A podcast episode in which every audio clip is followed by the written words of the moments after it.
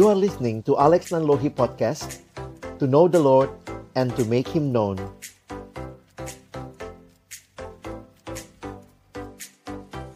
Shalom, selamat pagi teman-teman sekalian. Makasih buat Kak Dewi yang sudah membagikan begitu luar biasa. Jadi ingat masa single. Dan bukan hanya itu, persiapan yang tadi Kak Dewi sampaikan adalah modal yang sangat penting ketika teman-teman masuk ke dalam sebuah relasi yang lebih jauh dalam kaitan panggilan untuk menikah ya. Jadi saya berharap sekali teman-teman bisa benar-benar uh, take note dari apa yang Kak Dewi sampaikan karena sebenarnya persiapan dalam masa single itu adalah persiapan yang sangat berharga untuk masuk ke dalam selanjutnya ya. Nah, ketika kita sudah melewati masa-masa itu dan Tuhan berikan kesempatan kita lebih jauh lagi boleh uh, mengenal lawan jenis dan kemudian masuk dalam relasi yang lebih serius. Nah, ini juga sebuah tahap yang perlu terus kita ingat untuk sama-sama kita kita bawa di dalam doa, di dalam keseriusan di hadapan Tuhan. Sorry. Nah, saya mulai dengan ayat ini. Sebenarnya Amsal sendiri mengingatkan kita ya. Amsal 30 ayat 18 dan 19. Kalau ada yang belum pernah tahu bahwa ada ayat semacam ini di Alkitab, nah ini hari untuk paham ya. Ada tiga hal yang mengherankan aku, bahkan ada empat hal yang tidak ku mengerti. Jalan Raja Wali di udara, jalan ular di atas cadas, jalan kapal di tengah-tengah laut, dan jalan seorang laki-laki dengan seorang gadis. Lihat terjemahan bahasa Indonesia sehari-harinya. Ada empat hal yang terlalu sukar bagiku untuk dimengerti, kata penulis Amsal, burung Raja Wali yang terbang di udara, ular yang menjalar di atas batu karang, kapal yang berlayar di tengah lautan, dan sepasang muda-mudi yang sedang jatuh cinta. Kira-kira apa sih yang dimaksud dengan ayat ini? Secara khusus saya harus ingatkan bahwa memang di dalam konteks uh, relasi pasangan ya yang jatuh cinta secara khusus, teman-teman tuh nggak ada teorinya. Jadi kalaupun kita melihat setiap relasi itu unik, relasi yang berlaku dalam hidup saya mungkin beda dengan ceritanya teman-teman yang mungkin dalam situasi yang tentunya berbeda juga. Dalam jatuh cinta itu ada banyak hal yang mungkin terjadi dan ada banyak cerita yang mungkin akan mewarnai perjalanan cinta teman-teman. Tetapi karena itu saya harus ingatkan bukan berarti tidak ada prinsip ya. Jadi saya hanya membagikan hari ini prinsip menolong teman-teman melihat lebih jauh. Kenapa? Karena biasanya pertanyaan itu kaitannya sama kasus.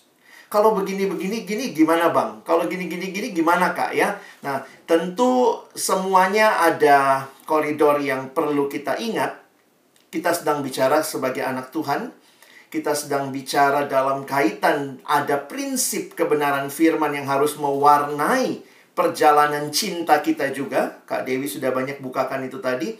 Saya sendiri terkesan dengan ayat 1 Korintus 10 ayat 31 ya waktu Paulus berkata, baik engkau makan maupun minum harus diberikan atau melakukan sesuatu yang lain, lakukanlah untuk kemuliaan Tuhan.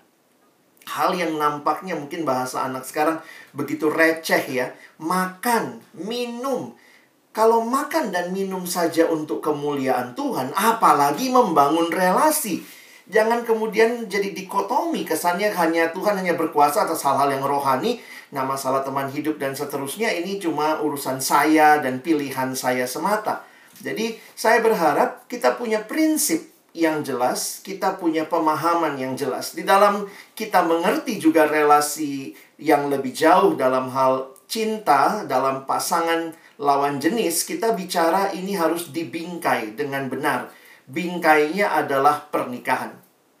Jadi, saya pikir sejak di pelayanan mahasiswa, pelayanan siswa kita sudah diingatkan bahwa tujuan yang penting di dalam kita sama-sama memasuki relasi yang mungkin disebut dengan pacaran gitu ya, yang tentu dimulai dengan PDKT dan kita akan bicara itu nanti ya. Tapi bingkailah itu dengan tujuan yang jelas bahwa ini sedang bicara relasi yang serius ke dalam relasi berumah tangga. Jadi karena itu, kalau kita membingkai ini untuk kemuliaan Allah seperti makan dan minum, apalagi ditambah dengan ini jelas untuk pernikahan, maka kalau pernikahannya kudus, persiapannya pun harus kudus. Jadi itu membingkai pemikiran kita bukan sekadar menikmati relasi samata sebagai sesuatu yang kayaknya cuma uh, cintaku cintamu begitu ya. Karena itu saya harus menuliskan ini ya. Harus dipikirkan dengan serius. Secara khusus dampak terhadap pribadi secara khusus. Nah, saya saya setuju dengan Kak Dewi. Saya pribadi sangat menekankan masalah keimanan ya, masalah spiritualitas. Sehingga pertanyaannya, apakah dengan kita berpacaran makin bertumbuh atau makin jauh secara rohani, makin mundur atau tidak? Nah, ini yang perlu kita bertanya juga. Karena itu saya pikir ya nggak usah lagi lah bertanya ya, perlu cari yang seiman atau tidak. Wow, saya pikir kita bahkan harus lebih dalam daripada sekedar seiman. Kita berbicara bukan cuma seiman, tetapi orang yang bertumbuh di dalam Tuhan. Teman-teman, banyak orang yang cuma cari asal Kristen, yang penting Kristen. Tapi pertanyaannya, dia Kristen yang bertumbuh atau tidak? Banyak uh, alumni PMK pelayanan mahasiswa Kristen. Ternyata ketika cari pasangan hidup mungkin juga umur yang makin bertambah. Yang penting asal Kristen. Apakah itu prinsipnya? Saya pikir dalam anugerah Tuhan mari kita memohon ya. Kita bicara juga bahwa ini bukan sekadar uh, hubungan uh, apa ya yang ya kayak drama-drama Korea gitu ya senang susah. Tapi ini hubungan yang di dalamnya Tuhan sedang membentuk kita juga karena itu siapa yang jadi pasangan kita akan sangat penting. Dan juga secara khusus bagi saudara-saudara yang terlibat di dalam persekutuan dan saya pikir ini baik sekali ya. Waktu berpacaran sebaiknya komunitas tahu komunitas diberi akses mungkin orang-orang yang dekat sama kita, pemimpin kelompok kita, ada mentor-mentor rohani yang menolong teman-teman. Apakah ini jadi teladan atau jadi batu sandungan? Jadi beberapa kali ada yang berpacarannya itu di dalam apa ya? Di dalam dunia milik berdua. Kita pokoknya ini aja ya, jangan kasih tahu ya. Soalnya memang anak persekutuan kadang-kadang kepo banget gitu ya. Sehingga akhirnya ada yang sangat menjaga jauh dari persekutuan. Tapi kemudian akhirnya ketika mungkin engkau jatuh, engkau punya pergumulan, ini malah lebih sulit ditolong. Ya, jadi saya harus katakan dengan jujur juga bahwa makin melihat pentingnya komunitas juga menjadi bagian yang kita libatkan kita libatkan dalam uh, menolong kita menjalani relasi lawan jenis. Nah, sekarang saya mungkin langsung masuk kepada hal yang praktis ya, sebagaimana teman-teman lihat tadi, kalau kita sudah siap, nah mungkin orang suka bertanya, lalu bagaimana bang memilih teman hidup? Aspek-aspek ada, apa yang perlu ada? Teman-teman saya harus katakan uh, daftar ini adalah uh, semacam apa ya summary dari apa yang saya coba lihat, saya sendiri lewati, saya melakukan konseling dengan orang-orang yang punya pergumulan seperti ini. Saya pikir ini aspek-aspek yang perlu ada yang harus bisa dengan seimbang kita sama-sama miliki. Sayangnya memang begini, bahwa di tengah-tengah dunia setiap zaman itu ada spirit zamannya, ada semangatnya yang jujur aja di dalam zaman ini spirit zaman yang sangat ditonjolkan termasuk dalam banyak film-film yang teman-teman mungkin nonton, drama-drama yang teman-teman nonton, seolah-olah yang paling penting itu cuma perasaan. Saya harus katakan bukan berarti tidak ada perasaan terlibat. Perasaan itu penting, tapi bukan segala-galanya. mungkin ini bisa kita bisa trace back ya Kadang-kadang saya mikir gitu ya teman-teman ya, memang konteks Alkitab kan beda dengan kita ya. Di masa Alkitab, khususnya misalnya di zaman Tuhan Yesus, bahkan di zaman Perjanjian Lama, kebiasaan dan tradisi pernikahan di Israel itu biasanya melalui diperkenalkan. Jadi dicomblangkan. Jadi ada masa pertunangan misalnya. Jadi bukan seperti kita ya pacaran karena mereka tidak mengenal istilah itu sehingga memang di Alkitab kita tidak ada istilah pacaran. Pacaran itu tujuannya pengenalan sebelum pernikahan. Nah, di Alkitab masa itu ada juga yang disebut dengan pertunangan. Masih ingat yang terjadi pada orang tua Yesus? Mereka ditunangkan. Jadi memang menarik sekali kalau perhatikan jadi aspek apa ya yang diperhatikan waktu itu untuk melangkah ke kehidupan pernikahan? Mungkin sih aspek yang paling sederhana akal sehat kali ya. Akal sehat misalnya eh, lihat Abraham itu cari pasangan buat Ishak, dia suruh balik ke keluarganya, cari tentunya orang eh, anak dari sanak keluarganya dengan pemahaman ya itu akan menolong tuh ya. Karena sudah kenal bibit bebet bobotnya. Kira-kira seperti itu. Jadi mungkin di masa itu faktor yang paling kuat bukan perasaan karena boro-boro perasaan orangnya juga belum ketemu kadang-kadang ya.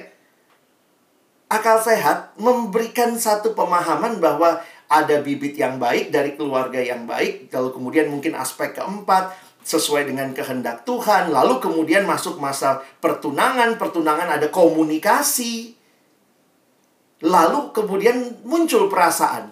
Teman-teman bisa bisa paham yang saya maksud ya. Kadang-kadang tidak selamanya dimulai dengan perasaan semata-mata. Tapi memang generasimu, generasi kita sekarang abad modern itu karena melihat pacaran itu sebagai kesempatan membangun perasaan, mengenal lebih jauh seolah-olah perasaan itu nomor satu. Jadi saya berharap kita bisa lihat ini dengan dengan baik ya bahwa bukan hanya perasaan, tapi perlu perasaan perlu. Masa menikah sama orang yang kita nggak nggak punya perasaan apa-apa begitu ya. Tetapi ternyata selain perasaan ada akal sehat. Nah, ini kan pengenalan terhadap doi, latar belakangnya, pertimbangkan pro kontranya, keluarganya, kalau beda suku bagaimana, apakah nanti akan jadi masalah atau tidak, komunikasinya bagaimana. Ingat ini bukan pilih barang ya, ini relasi dengan manusia. Dan juga aspek penyerahan kepada Tuhan.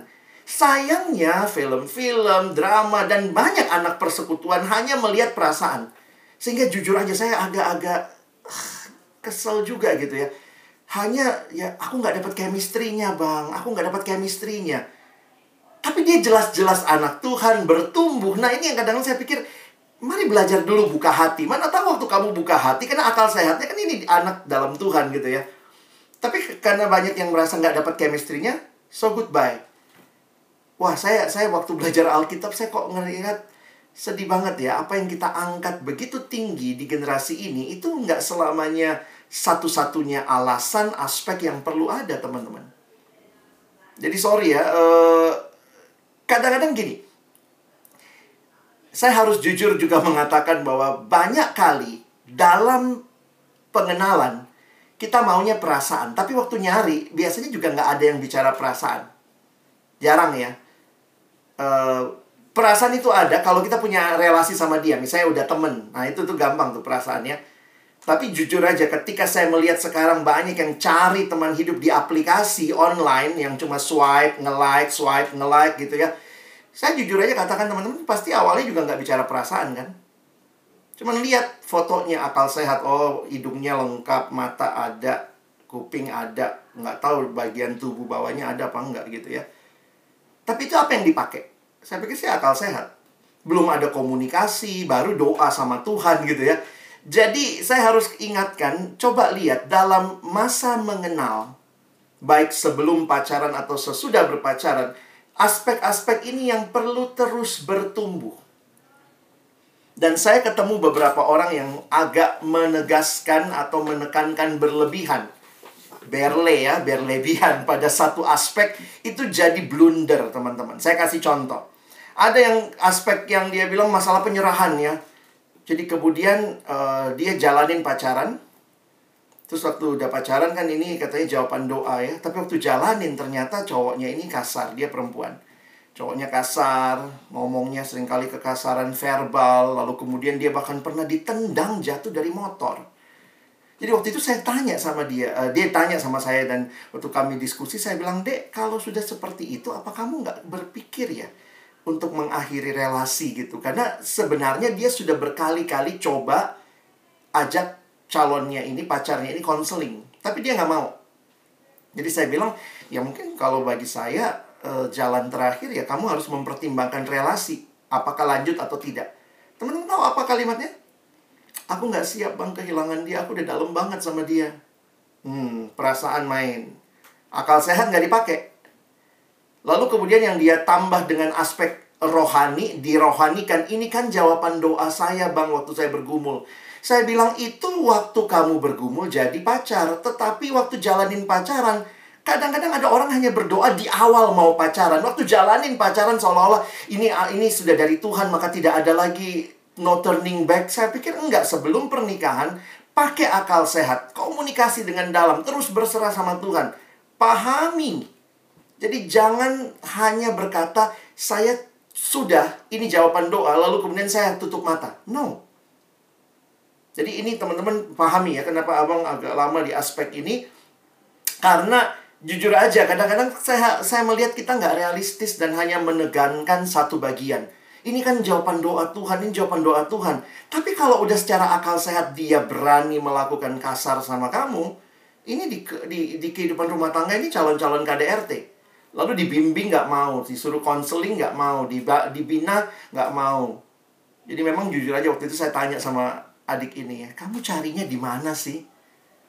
Terus dia bilang, iya bang, cuman asal dia Kristen, dia baik gitu ya. Saya bilang, itu nggak cukup. Beberapa kali datang persekutuan, pacarnya ikut, tapi tunggu di motor di luar. Saya bilang, kamu harus bertimbangkan lagi. Soal dia sayang banget, bang, dia anaknya baik banget. Itu cuma masalah perasaan. Tapi kamu mesti berpikir, dia bertumbuh nggak? Dia datang gereja tapi nunggu di parkiran itu bukan datang gereja, nungguin kamu, gojek mungkin dia. Jadi hati-hati terlalu menegaskan salah satu kehilangan yang lain. Demikian juga yang akal sehat ya, kadang-kadang kayaknya gue nggak bisa deh bang. Aku lihat dia orangnya kayak gini deh, kayaknya enggak deh. Jadi kadang-kadang akal sehat kita pun hati-hati. Memang makanya akhirnya abang bilang ya, ini nggak ada nggak ada benar salahnya karena ini bicara hal-hal yang kita alami. Dan waktu kita mengalami, penting sekali kita menggumulkan. Dan kemudian saya juga ingatkan pentingnya komunitas. Orang yang mungkin kenal kamu, kenal calon pasangan kamu untuk memberikan masukan. Sehingga ada yang melihat dari sisi yang lain. Karena kalau kita itu bias. Jujur aja, kalau lagi suka sama seseorang bias. Dia dia lakukan apa pun kayaknya, ah nggak apa-apa lah. Tapi ketika kita realistis ditolong oleh orang lain yang melihat dari luar itu akan bisa menolong kita. Ya. Jadi tolong perhatikan hal ini. Nah, ini saya cepat saja dalam prinsip selanjutnya. Nah, kalau gitu tahapnya apa yang sebaiknya dilalui? Perhatikan, saya tulis juga sebaiknya. Kenapa? Karena memang jujur aja ini sebenarnya sesuatu yang tidak ada teori khusus di Alkitab. Karena Alkitab jujur aja ya, semua itu bicara kalau Alkitab tidak bicara pacaran, tapi bicara pertunangan dan pernikahan. Karena budaya mereka pengenalannya itu namanya pertunangan. Kalau kita sekarang pengenalannya itu namanya pacaran gitu ya. Jadi kadang-kadang saya coba uh, relasikan seperti itu. Apa yang perlu teman-teman lalui? Ya punya kriteria. Menetapkan kriteria sehingga waktu menjalani buka mata Begitu lihat ini nggak sesuai kriteria, paling tidak maksud abang gini, kriteria dasar deh. Kriteria dasar apa? Ya, kalau dulu saya selalu bilang pertama seiman, kalau sekarang enggak ya. Kriteria dasar pertama lawan jenis, pastiin dulu. Lawan jenis baru yang kedua seiman, ya. Jadi jangan seiman kami bang, tapi satu gender enggak ya. Oke, jadi Seiman itu yang pertama. Eh, lawan jenis itu yang pertama, lalu kemudian seiman. Lalu ada kriteria-kriteria dasar yang saya katakan tadi masalah pertumbuhan rohaninya. Jadi, teman-teman kalau bicara kriteria, di sini Abang tidak bicara lebih dulu fisik. Karena fisik itu bisa berubah. Makin tua juga makin peot gitu ya. Kalau tidak dirawat katakan Dewi tadi ya tapi makin tua bisa makin sangat indah dan cantik kalau akhirnya dirawat dengan baik ya. Jadi kenapa perlu kriteria? Ini hanya antisipasi karena kuatnya perasaan waktu sedang jatuh cinta. Waktu jatuh cinta tuh perasaan kadang-kadang menguasai sampai tidak seiman pun kayak ketutup. Nggak apa-apa kok bang, nanti saya bisa ajak dia sama Tuhan. Bagus kalau kau yang ajak dia sama Tuhan. Kalau kau yang diajak ke Tuhannya dia.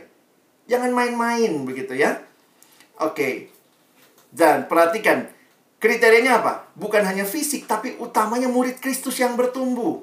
Nah, dari mana saya tahu orangnya seperti apa yang cocok ini? Pergaulan yang luas dan sehat.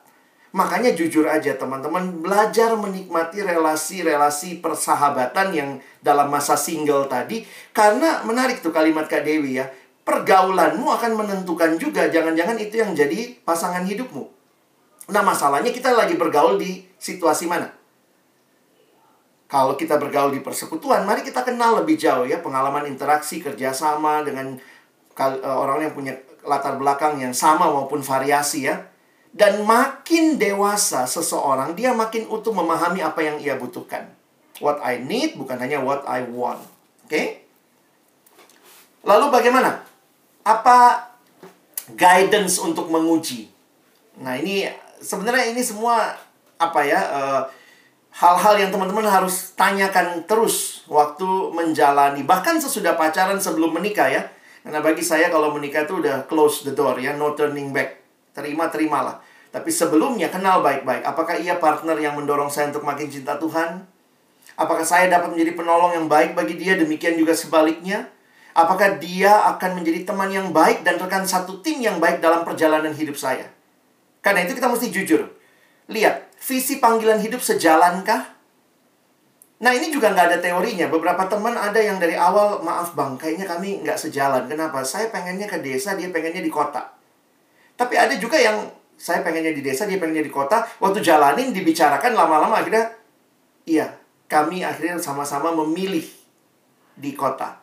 Saya pikir visi dan panggilan waktu kita gumulkan bersama, itu pun juga bisa jadi cara Tuhan untuk melihat ke mana ya. Jadi memang nggak ada teorinya kalau kalau tidak sejalan langsung putus nggak begitu juga teman-teman makanya belajar untuk lihat lebih jauh jangan cuma gara-gara satu aspek langsung memutuskan semua hal padahal dia udah anak Tuhan dia sama-sama bertumbuh saya pikir itu itu ini relasi sih ya ini bukan beli barang kayaknya nggak suka langsung tutup mata enggak ini relasi jadi coba lihat karakternya cocok atau tidak meskipun ingat nggak ada yang sempurna. Saya ingat kalimat Pak Mangapul Sagala yang dari masih mahasiswa ya. Saya ingat banget gitu. Dalam hal mencari pasangan hidup memang ingat ya. Lebih baik yang tidak sempurna tapi ada daripada cari yang sempurna tapi nggak ada orangnya. Nggak pernah hidup orang kayak gitu. Ya. Nah saya pikir ini teman-teman ayo kita kalau cari yang sempurna atau cari yang seperti yang kamu mau, menikahlah dengan pikiranmu, maka itulah yang kau paling mau. Tapi kan nggak semuanya seperti itu. Bahkan yang saya lihat Tuhan bentuk ketika saya sudah menikah adalah sayanya yang makin memahami, bukan meminta dia jadi seperti yang saya mau, tapi saya jadi belajar apa yang saya bisa lakukan dalam perubahan yang baik untuk menjadi seperti yang juga bisa baik menolong dia, menolong pasangan kita di dalam Tuhan, ya. Oke. Selanjutnya, doa pribadi. Nah, doa pribadi gumulkan dalam doa waktu kita ketemu orang yang uh, tepat begitu ya. Jadi mesti jelas dulu dari kitanya seperti itu. Dan jangan buru-buru melangkah karena takut si doi keburu disamber orang. Berimanlah. Kalau itu bagianmu Tuhan akan berikan. Makanya beberapa orang nanya sama saya, Bang saya lagi doain dia. Saya bilang kalau dia sudah punya pasangan, sudah punya pacar, saya pikir juga secara etika berhentilah mendoakan orang lain yang sudah punya pasangan. Tapi saya kayaknya Tuhan gerakkan. Mau bilang apa kalau dia begitu ya? Tapi secara etika saya pikir uh, ya kita juga meng menghayati iman kepada Tuhan bahwa Tuhan akan memberi yang indah pada waktunya. Jadi perlu kriteria sudah ada. Jadi jangan masuk ke doa pribadi kalau belum ada kriteria karena saya takut gitu ya. Nanti kita bisa suka sama siapa aja gitu. Orang mahasiswa bisa begitu ya. E, eh, KKN kuliah kerja nyata ke daerah berapa minggu tinggal bareng itu gampang loh memunculkan rasa suka. Karena apa? Kedekatan komunikasi itu juga aspek yang membangun perasaan suka. Tapi kemudian langsung akal sehatnya jeng jeng jeng nggak seiman, jeng jeng jeng nggak seiman. Jadi jangan cuma komunikasi tapi juga akal sehat dipakai gitu ya. Nah, si counsel tadi yang Abang bilang ya, pentingnya komunitas.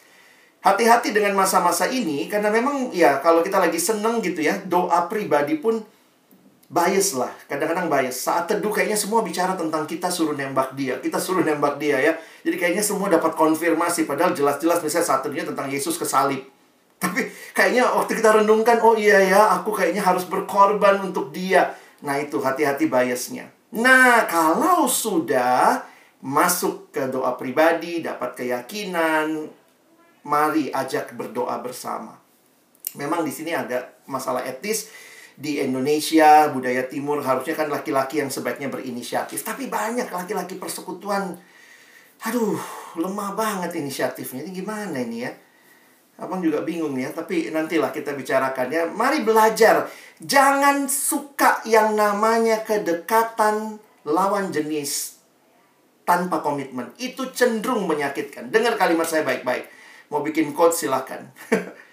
Jangan membangun kedekatan dengan lawan jenis yang berlebihan karena itu hanya tanpa komitmen, karena itu hanya cenderung menyakitkan. Jadi harusnya tanya setelah cukup dekat gitu ya. Kenapa? Cewek kadang-kadang baper dan cowok itu paling gampang memberi perhatian tanpa maksud apa-apa. Jadi ini cewek juga mesti jelas, cowok juga mesti aware sama dirimu. Jangan bilang aku cowok baik bang, sama semua orang aku begitu. Bertobat kau. Gak bisa begitu. Kamu akan bikin makin banyak orang yang baper, ya, dan akhirnya kamu sendiri jadi tidak punya hati yang compassionate melihat orang lain. Nah, saya pikir ini mesti jelas gitu ya. Nah, jadi teman-teman, kalau misalnya ada ada cewek yang datang tanya sama saya, bang, dia maunya apa sih bang? Kenapa sih dia begini ke aku? Saya bilang, ke gini gimana? Aku udah tiga bulan bang, dia tiap hari datang jemput aku, kami motor sama-sama ke kampus. Aku nikmatin bang. Tapi aku, saya bilang juga sama dia, uh, dia nanya kan, bang, kira-kira maksudnya cowok itu apa ya bang? Saya bilang, tanya sama cowok itu. Kok kau tanya sama aku? Aku nggak tahu ya. Tapi waktu kamu tanya sama cowok itu, dia bilang, tapi kan nggak enak bang nanya. Saya bilang, yuk tanya dengan jelas. Karena apa? Karena kalau nggak, kamu baper terus. Cewek sebelum cowok itu ngomong, jangan pernah terbang. Jangan pernah baper. Kalau dia belum ngomong, anggap itu teman biasa. Walaupun udah deket, ya, sorry. Karena bagi saya, sebelum ada komitmen, itu namanya masih sahabatan. Karena komitmen pacaran berarti kita sama-sama eksklusif, ya.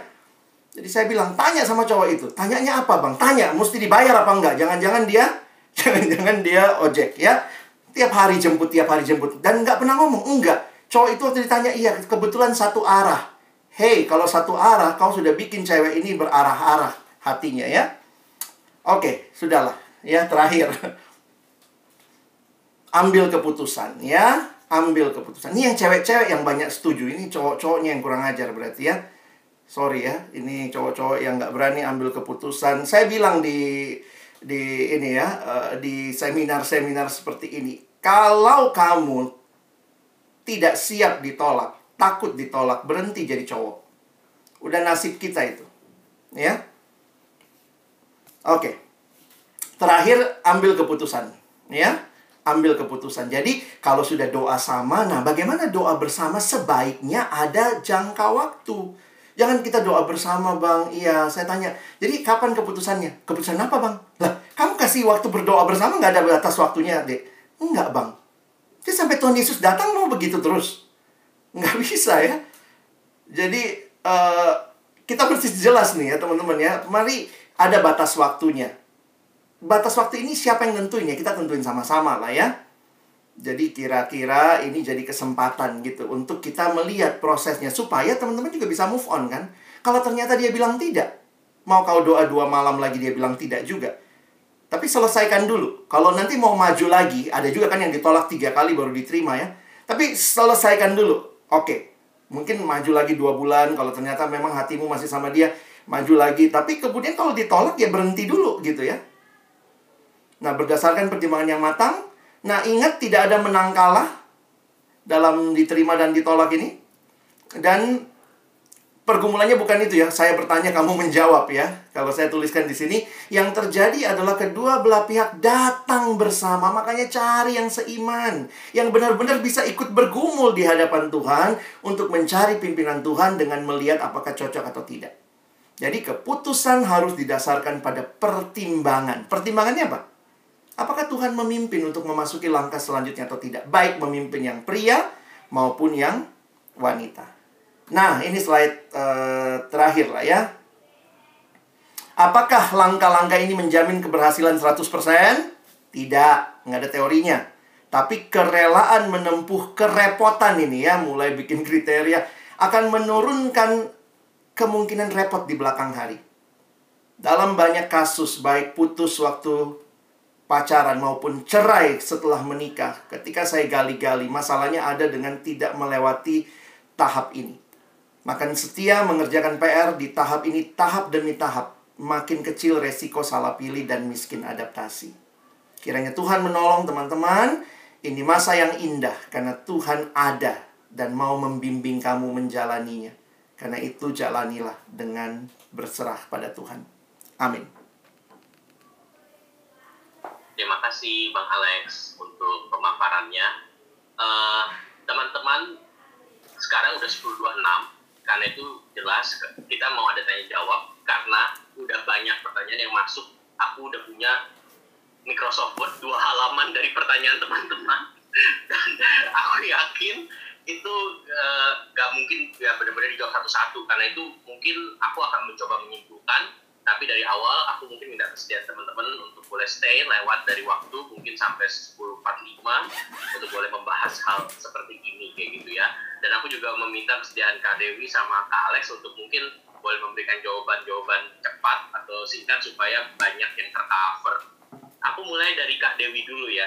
Uh, Kak Dewi banyak yang nanya nih. Uh, ada banyak yang say thanks dan banyak nanya Kak Dewi itu gimana waktu itu ceritanya memutuskan dari single, kemudian tahu ini panggilan menikah, kemudian bagaimana mempersiapkan diri jadi pendukung buat uh, Bang Peter, terus uh, waktu bergumul tuh ada perasaan seperti apa gitu. Nah Kak Dewi mungkin boleh ceritakan uh, kira-kira pengalamannya gimana dari single transisi ke menikah, mempersiapkan diri jadi pendukung istri yang baik dan uh, waktu pendekatan apakah ada pertimbangan atau ada pergumulan yang bikin ragu atau mungkin waktu itu sempat hampir nggak jadi kah atau kayak gimana? Mungkin kak Dewi boleh sharing pengalamannya kak. Silakan kak.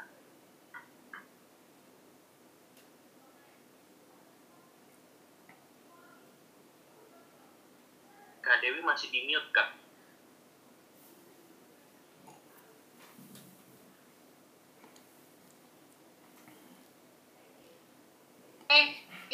Terima kasih pertanyaannya.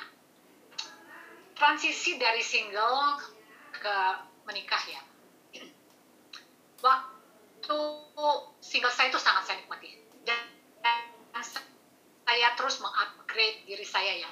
Kalau boleh cerita sedikit lagi. Saya terakhir kerja di perusahaan asing. Masuk dari grade 5 itu resepsionis. Satu tahun saya naik ke grade 6 di administrasi ya satu tahun lagi saya naik ke grade 7 sebagai sekretaris. Punya latar belakang sekretaris nggak punya. Tapi saya berani mengambil itu ya. Jadi saya terus mengupgrade diri saya. Uh, sampai dari pengumuman untuk grade 9 bukan 8 9 lalu saya lihat requirementsnya ini ini ini ini ini saya bisa tapi ini saya pasti bisa dalam jangka waktu yang saya tetapkan. Lalu setelah saya di, di interview sama calon bos saya uh, dan saya bilang, ya saya akan bisa nih, bla bla bla bla bla. Saya punya karir, ya saya punya karir. Grade 9 dari 7 lompat ke grade 9. Sesudah itu bos saya orang asing. Nah kerja saya, saya udah pernah sharing tahun lalu di uh, Wisma Metropolitan yang pada tahun 90 awal itu adalah uh, tempat termahal di sepanjang Sudirman.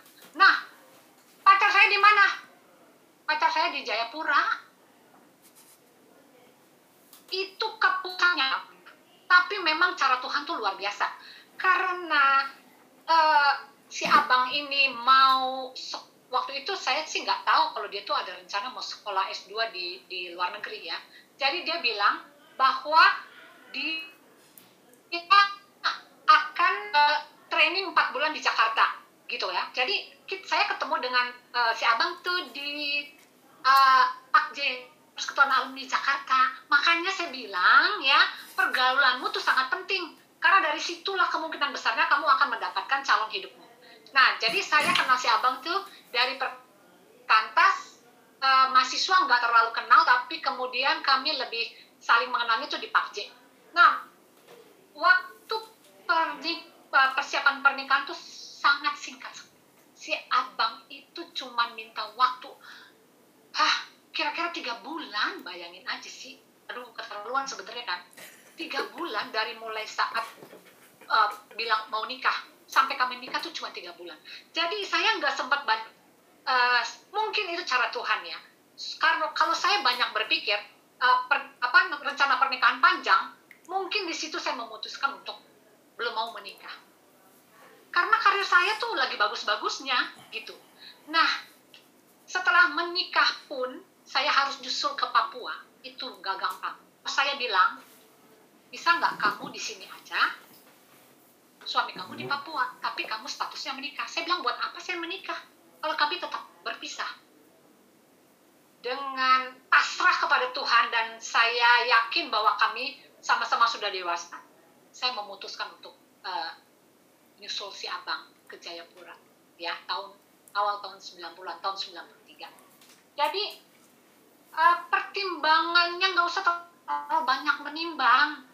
Kalau terlalu banyak menimbang juga makin susah gitu ya harus menimbang tetapi lihat ya pasangan kita itu kalau dia sudah dewasa kita lihat dia itu bertanggung jawab dan segala hal yang kita sudah uh, uh, bahas tadi di dalam karakter itu nggak usah takut nggak ada manusia yang sempurna tapi Tuhan selalu beli beri kesempatan untuk kita hidup diubahkan dari hari ke hari ya nggak ada yang sempurna tapi Tuhan pasti ada di situ untuk menolong kita melewati masa-masa uh, sulit kita. Saya rasa itu. Kak Dewi, ada yang sempat nanya begini Kak, kalau misalnya sebagai perempuan kita berkarir, terus kemudian kita kayaknya uh, bisa punya banyak dulu gitu ya, mapan dulu gitu, dan itu justru membuat cowok-cowok jadi kayak segan atau ragu mendekati karena nggak berani gitu. Uh, ini ada beberapa muka yang tersenyum oh, saya iya. tahu apakah itu mewakili pertanyaan mereka. Tapi itu gimana kak dari pendapat kakak? Terima kasih pendapat saya kan kita meningkatkan kualitas uh, hidup uh, kualitas kita ya membangun value kita nggak harus menjadi orang yang sombong kan tadi dalam karakter tuh kita uh, ada saya sebut rendah hati ya tetap rendah tetap low profile. Jadi ketika kalau si cowok itu takut deketin kita ya salah dia. Tapi kalau ada orang yang mendekati kita, nggak perlu kita mem mempertunjukkan kita ini siapa, posisi kita ini di kantor sebagai apa apa yang sedang kita diskusikan. Nah kalau dia sedang uh, mendiskusikan satu hal dan kita pas tahu tentang itu nggak perlu juga kita jadi dosen untuk dia gitu ya kan kita bisa dalam komunikasi kita ketika dia sedang uh, membicarakan sesuatu banyak ya udah uh, dengerin dan jawab jawab jawabnya nggak usah menunjukkan kita itu hebat gitu. Uh, saya juga bilang sama anak saya Rianda ya. Saya bilang Rianda nggak bisa selamanya seperti ini. Satu saat kamu akan jadi ibu rumah tangga. Ya jadi kamu uh, juga harus tahu ibu rumah tangga itu, istri itu, bagaimana kamu harus siap. Jadi memang mungkin ada hal-hal yang harus kita lepaskan ketika kita uh, nanti menikah. Itu akan berjalan kok, sesuai dengan pimpinan Tuhan.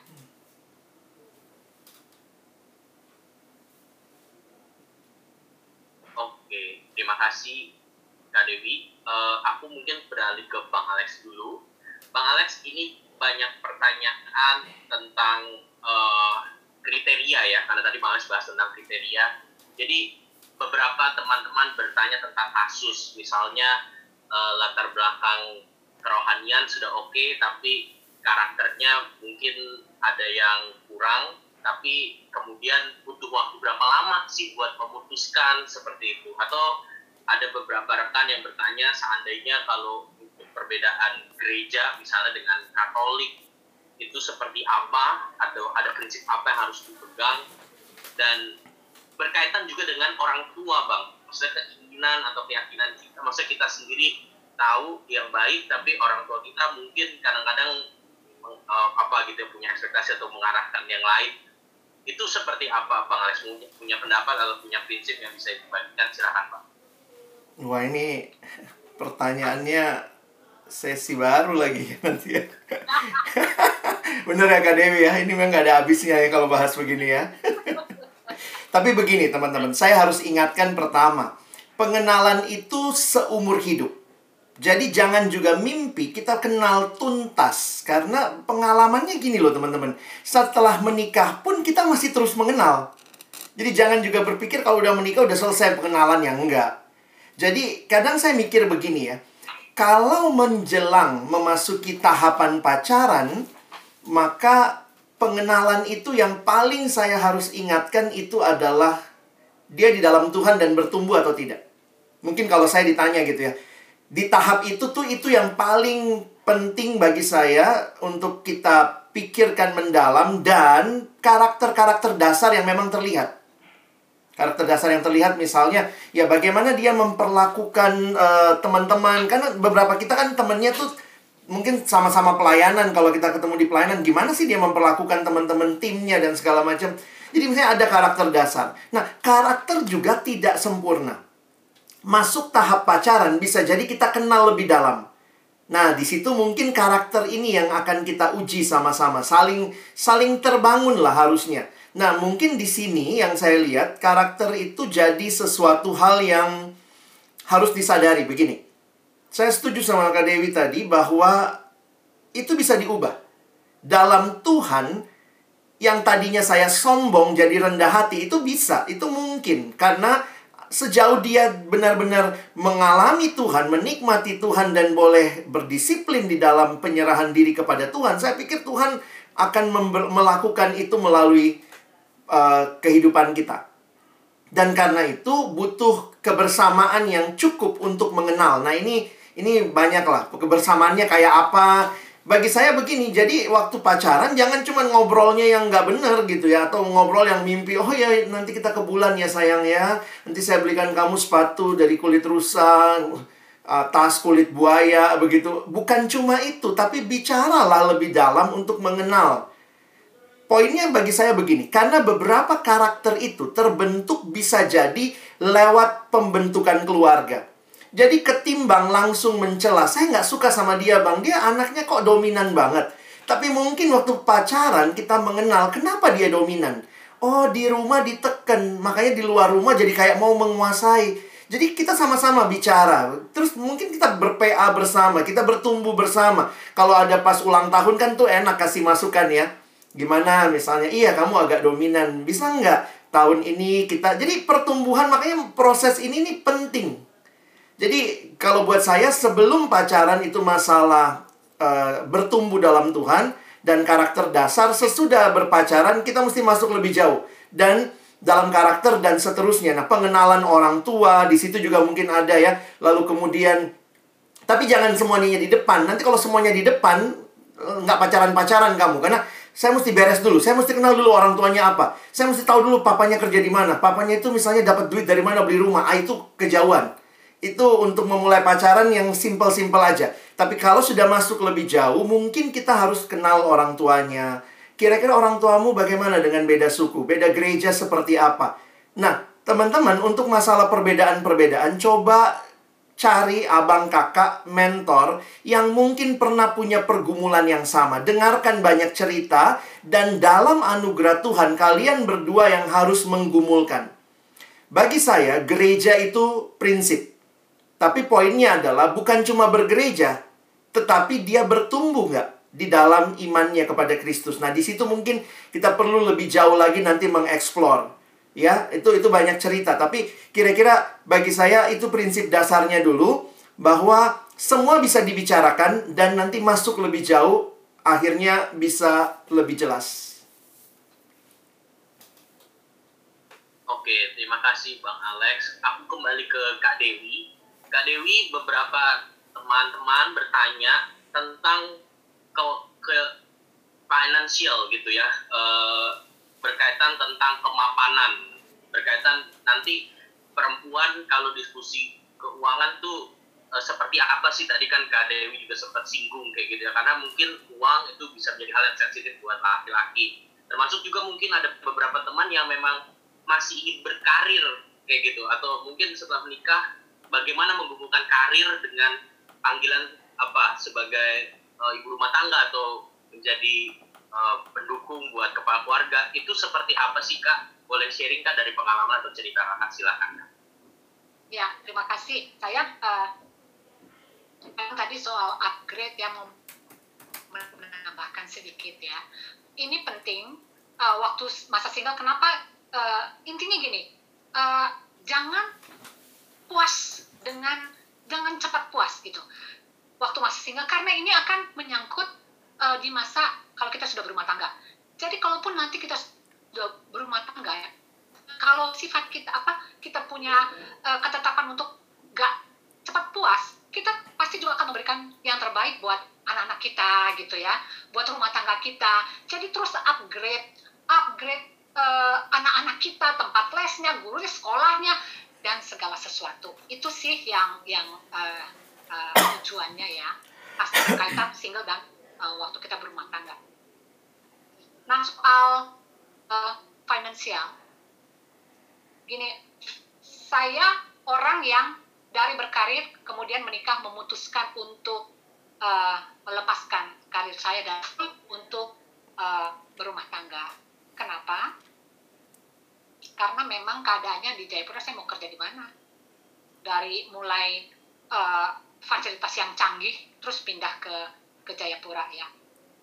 Uh, dan buat kami pekerjaan suami saya itu uh, cukup gitu ya. Maksudnya soal uang tuh cukup relatif sedikit cukup banyak juga habis. Waktu kita nggak suami gajinya kecil kan cukup aja. Tapi khususnya untuk teman-teman uh, perempuan yang masih harus bekerja, ya masih harus bekerja. Kalau harus soal finansial ya, kita kan harus terbuka nih suami sama istri harus terbuka. Tapi kalau bisa, kalau kalian sudah punya tujuan dalam masa pacaran berserius, lalu uh, akan menikah, bicarakan itu soal keuangan finansial. Terbuka ya. Mau siapa yang ngatur? Jadi belum tentu perempuan itu bisa mengatur uang loh. Ada yang nggak bisa ngatur uang. Jadi kalau itu mau dipegang oleh suami, yang penting suami terbuka, ya gajinya kok. Jadi kita bisa juga lihat rekening rekening uh, uh, bersama rekening bersama. Maksudnya rekening suami, suami bisa lihat rekening kita.